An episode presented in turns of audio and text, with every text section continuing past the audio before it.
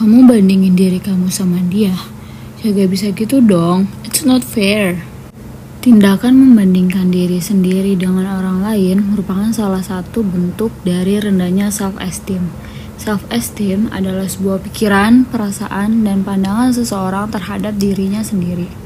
Kesehatan self-esteem ini ditentukan oleh seberapa kamu bisa percaya dengan diri kamu, mencintai, mengapresiasi, dan menghargai diri kamu sendiri.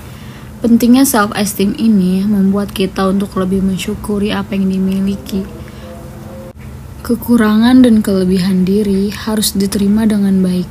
Jika merasa kurang, maka samarkan dengan kelebihan yang kamu miliki. So, mulai sekarang, stop membandingkan diri kamu dengan orang lain. Evaluasi ekspektasi kamu terhadap diri kamu sendiri dan mulai belajar meningkatkan self-esteem. Bertanggung jawablah atas diri sendiri. Maksudnya, mengakui bahwa kita memiliki kekuatan pribadi untuk menghadapi keadaan seburuk apa pun itu. Apa pun yang terjadi, orang yang memiliki self-worth positif akan terus berpegang pada gagasan bahwa dirinya memiliki nilai bawaan. Ini adalah hal yang penting sebagai pondasi diri dan dapat membuat diri kita tetap stabil ketika nilai self-esteem naik turun. Orang dengan self-worth yang rendah cenderung memiliki pendapat yang negatif mengenai dirinya. Mereka juga akan menilai dan mengevaluasi dirinya secara kritis Hal ini dapat membuat mereka sering kali mengkritik kemampuan diri sendiri, namun mengabaikan pujian. Orang dengan self-worth yang rendah cenderung fokus pada kesalahan, menyesali hal yang tidak mereka lakukan, dan membandingkan diri dengan orang lain.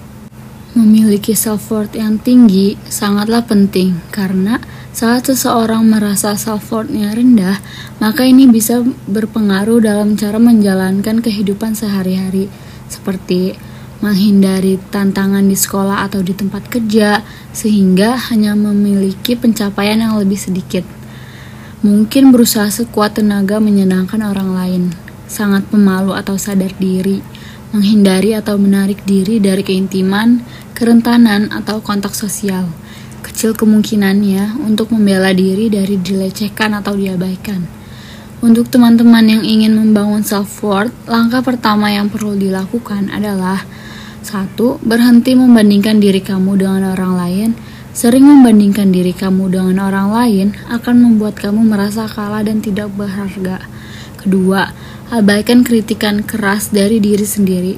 Berhentilah mengevaluasi setiap gerakan kamu. Terus-menerus mengomeli dan mengkritik diri sendiri akan melemahkan self-worth dan bahkan dapat mengarah pada perilaku merusak diri. Ketiga, mengasihani diri sendiri. Self-worth juga dapat dipupuk dengan mulai mempraktikkan sikap mengasihi diri sendiri atau self-compassion. Ada tiga langkah untuk melatih self-compassion yaitu akui dan perhatikan kesulitan yang kamu alami, bersikap baik dan peduli dalam menanggapi kesulitan.